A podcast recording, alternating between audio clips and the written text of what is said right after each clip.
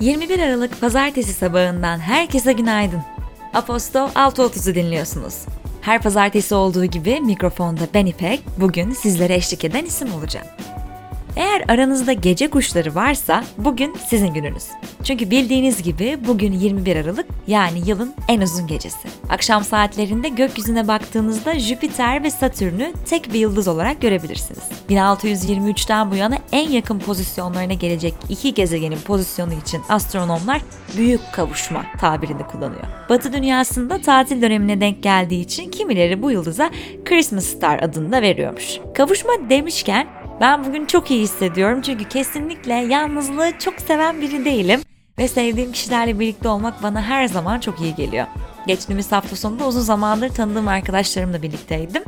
Ve e, çok basit olan yürüyüşe çıkmak, dizi izlemek, yılbaşı ağacı süslemek, yemek yapmak gibi gündelik hayat eylemleri bile birlikte çok daha anlamlı gelebiliyor. Ve e, bu içinde bulunduğumuz zor yılda koronayı atlattığımızda umuyorum ki sevdiklerimizle kavuştuğumuzda bence bunu daha iyi anlayacağız. Bugünün bülteni Viner'in destekleriyle ulaşıyor ve güzel bir haberimiz var. Siz Aposto takipçileri Aposto 30 kodunu kullanarak Konyalı saat üzerinden satın aldığınız Viner ürünlerine tam %30 daha az ödeyerek sahip olma şansını yakalayabilirsiniz. Ayrıntılar için bültenimize göz atmayı unutmayın. Gündemde neler oluyor bir göz atmadan hemen önce merak ettiğim bir şey var sevgili dinleyenler. Şu an sesim nerelere, hangi şehirlere ulaşıyor bilmiyorum ama bilmeyi kesinlikle çok isterim. O yüzden Twitter'da Aposto Podcast hashtag ile Twitter'dan bu yayını nereden dinlediğinizi yazabilirseniz çok sevinirim. E, gün boyunca da e, tweetleri takip ediyor olacağım. Piyasa özeti.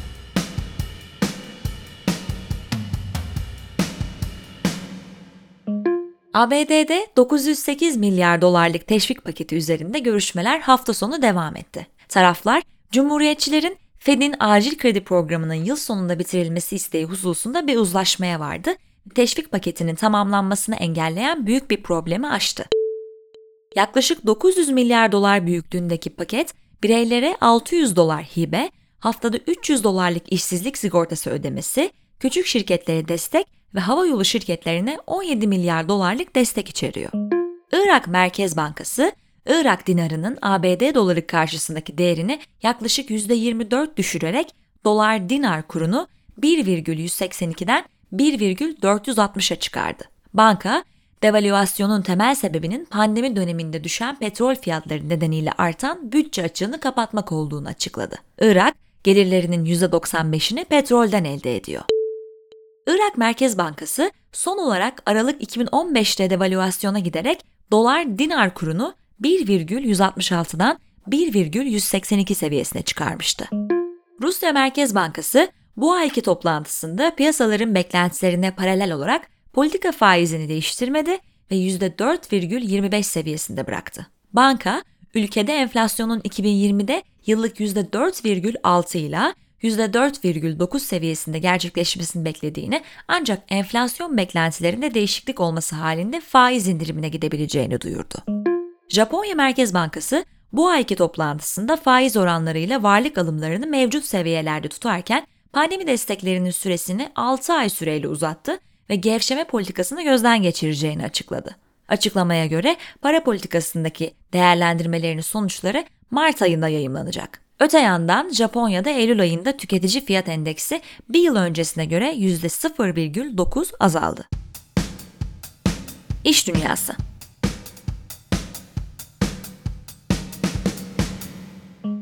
ABD, Çin'in en büyük yarı iletken üreticisi SMIC ve dünyanın en büyük drone üreticisi DJI başta olmak üzere Çin merkezli 60 şirketi ticari kara listeye aldı. ABD Ticaret Bakanlığı, SMIC'nin Çin ordusuna destek verdiği gerekçesiyle yasaklandığını belirtirken, DJI ve diğer bazı şirketlerin de geniş çaplı insan hakları ihlallerine destek oldukları gerekçesiyle listeye alındığını açıkladı.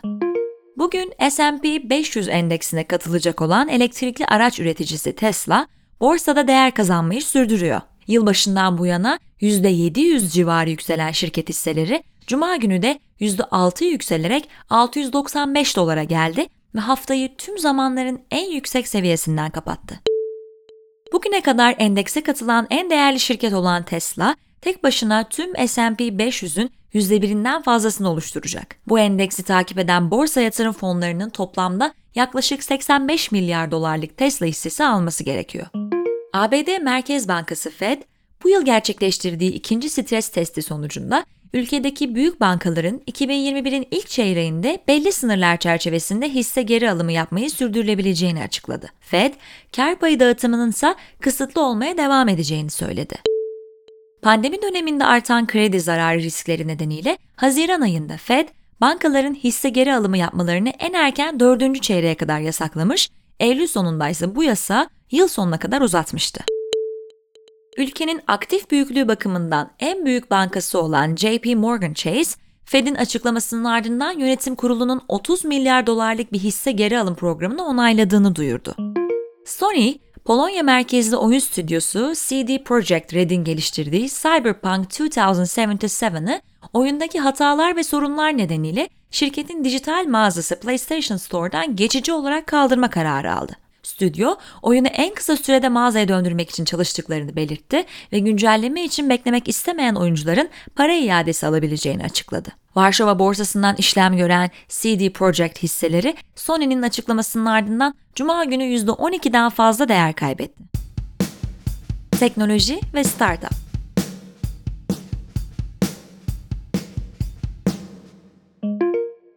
Twitter, bir tür sesli sohbet odası olan Spaces özelliğini sınırlı sayıda kullanıcıyla test etmeye başladı. Spaces ile kullanıcılar takipçilerini sohbete katılabilecekleri bir alan oluşturabilecekler. Twitter'daki herkes sohbeti dinleyebilecek ve emoji kullanarak tepki verebilecek. Ancak kimin konuşacağını yalnızca toplantı sahibi kontrol edebilecek. Google, arama motorunda sanal gerçeklikle makyaj deneyimini sunmak için güzellik sektöründe artırılmış gerçeklik teknolojisini kullanan Modiface ve Perfect Corp şirketleriyle işbirliği yaptı. Şimdilik yalnızca ABD'deki Google uygulamalarında aktif olan bu özellik, kullanıcıların L'Oreal, Estee Lauder, MAC Cosmetics, Black Opal ve Charlotte Tilbury gibi markaların makyaj ürünlerinin çeşitli cilt tonlarına sahip modellerde veya ön kamerayla kendilerinde denemelerini olanak sağlıyor. Google, çevrimiçi alışveriş teşvik etmek için Google Shopping üzerinden gösterilecek videolarda güzellik, giyim, ev ve bahçe meraklıları ve sosyal medya fenomenlerinden öneriler göstermeye başlayacak. Microsoft, Teams'deki yapay zeka teknolojisiyle katılımcıları sanal bir alanda bir araya getiren birlikte modunu Skype'a getirdi. Bu özellikle en az 5 katılımcı Skype görüşmesinde fiziksel bir ortamda yan yana oturuyormuş gibi görüntülenebilecek. Politika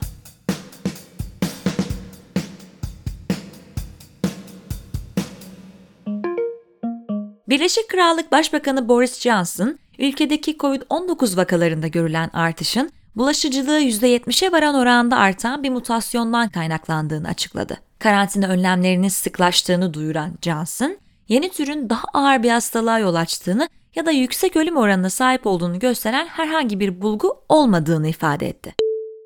Dünya Sağlık Örgütü aynı mutasyonun Hollanda, Danimarka ve Avustralya'da da görüldüğünü belirtti. İtalya, Belçika, İrlanda ve Hollanda'nın Birleşik Krallığa yönelik seyahat yasağı getirdiği, Almanya, Fransa ve Norveç gibi pek çok ülkenin de benzer bir yasak uygulayacağı öğrenildi. Sağlık Bakanı Fahrettin Koca, Cumhurbaşkanımızın talimatı, Ulaştırma ve Altyapı Bakanlığımızın koordinasyonuyla tedbiren İngiltere, Danimarka, Hollanda ve Güney Afrika'dan ülkemize olan uçuşlarda geçici durdurma kararı alınmıştır açıklamasını paylaştı. İsrail Başbakanı Benjamin Netanyahu derhal tüm dünyanın kapanması çağrısı yaptı. Gaziantep'te Sanko Üniversitesi Hastanesi COVID-19'un yoğun bakım ünitesinde yüksek akım oksijen cihazından kaynaklanan yangında hayatını kaybeden hastaların sayısı 11'e yükseldi.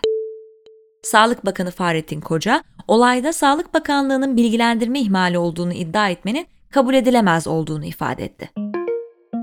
Şili'de devlet başkanı Sebastian Piñera'ya maskesiz fotoğraf çektirerek koronavirüs kurallarını ihlal ettiği gerekçesiyle 3500 dolar para cezası kesildi.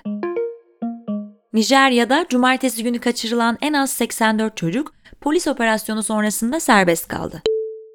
Geçen haftada ülkede 344 çocuk radikal dinci terör örgütü Boko Haram tarafından kaçırılmış, daha sonra serbest bırakılmıştı. Afganistan'ın başkenti Kabil'de meydana gelen terör saldırısında en az 9 kişi yaşamını yitirdi. Saldırıyı henüz bir örgüt üstlenmedi. Spor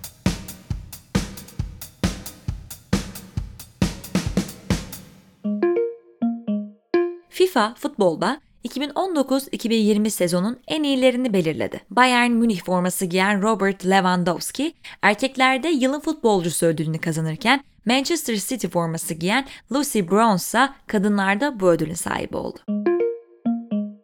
Türk Hava Yolları Avrupa Ligi ve ING Basketbol Süper Ligi ekiplerinden Fenerbahçe Beko, Marco Guduric ile 2022-2023 sezonunun sonuna kadar sürecek olan bir anlaşma imzaladı. Guduric, NBA'de Memphis Grizzlies ile çıktığı 44 karşılaşmada 3,9 sayı, 1 asist ve 1,7 rebound ortalamaları yakalamıştı. 25 yaşındaki oyuncu 2017-2019 arasında Fenerbahçe Beko'da oynamıştı. Avrupa Kadınlar Artistik Jimnastik Şampiyonası'nda büyüklerde milli sporcu Göksu Üçtaş Şanlı yer aletinde gümüş madalya kazanırken gençler kategorisindeki bireysel alet finallerinde Derin Tanrı'ya şükür asimetrik paralel aletinde bronz madalya kazandı. Bakan Mehmet Muharrem Kasapoğlu başarılarından dolayı milli jimnastikçileri tebrik etti. Dünün ve bugünün öne çıkan karşılaşmaların sonuçları için sizi bültenimize bekliyoruz. Hakan Emre Çiftkaya'nın kaleminden S400 yaptırımlarının ardından başlıklı günün hikayesini yine bültenimizden erişebilirsiniz. Okumayı unutmayın. Ekipten öneriler.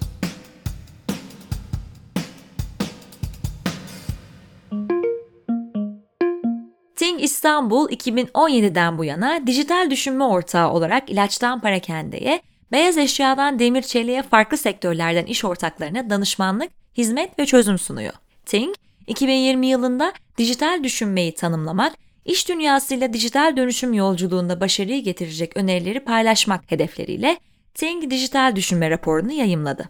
Pandemi, hızla dijitalleşen dünyada şirketlerin düşünme şekillerini yeniden ele almaları ve geleceği yeniden değerlendirmeleri için hem bir mecburiyet hem de bir itici güç oldu. Pandeminin etkilerini daha yakından keşfetmeye olanak tanıyacak Dijital Düşünme Raporu 2021'e rapora veri oluşturmak ve şirketlerin dijital dönüşüm stratejileri hakkında bilgi almak üzere gerçekleştirilen dijital düşünme araştırmasına katılmak için bültenimizdeki bağlantıyı mutlaka ziyaret edin.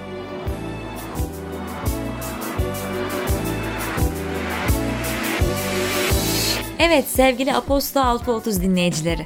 Günün sonuna gelmeden hemen önce sizler için Duende yazarlarımızdan Artemis Güne Bakanlığı'nın hazırladığı 50 şarkıda 2020 listesini paylaşmak istiyorum. Bu yıl hem dünyada hem Türkiye'de neler dinlenmiş şöyle bir göz atalım.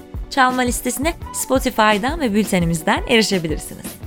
Bizi yalnızca Spotify'dan değil, Instagram ve Twitter'dan da takip etmeyi unutmayın. Twitter'a ve Instagram'a ayrı ayrı hazırlanan içerikleri bence çok beğeneceksiniz. Bu gece yılın en uzun gecesi.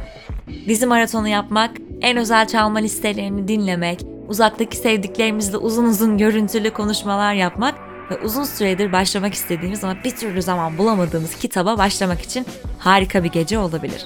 Mikrofonda ben İpek, sizlere harika bir hafta diliyorum. Hoşçakalın.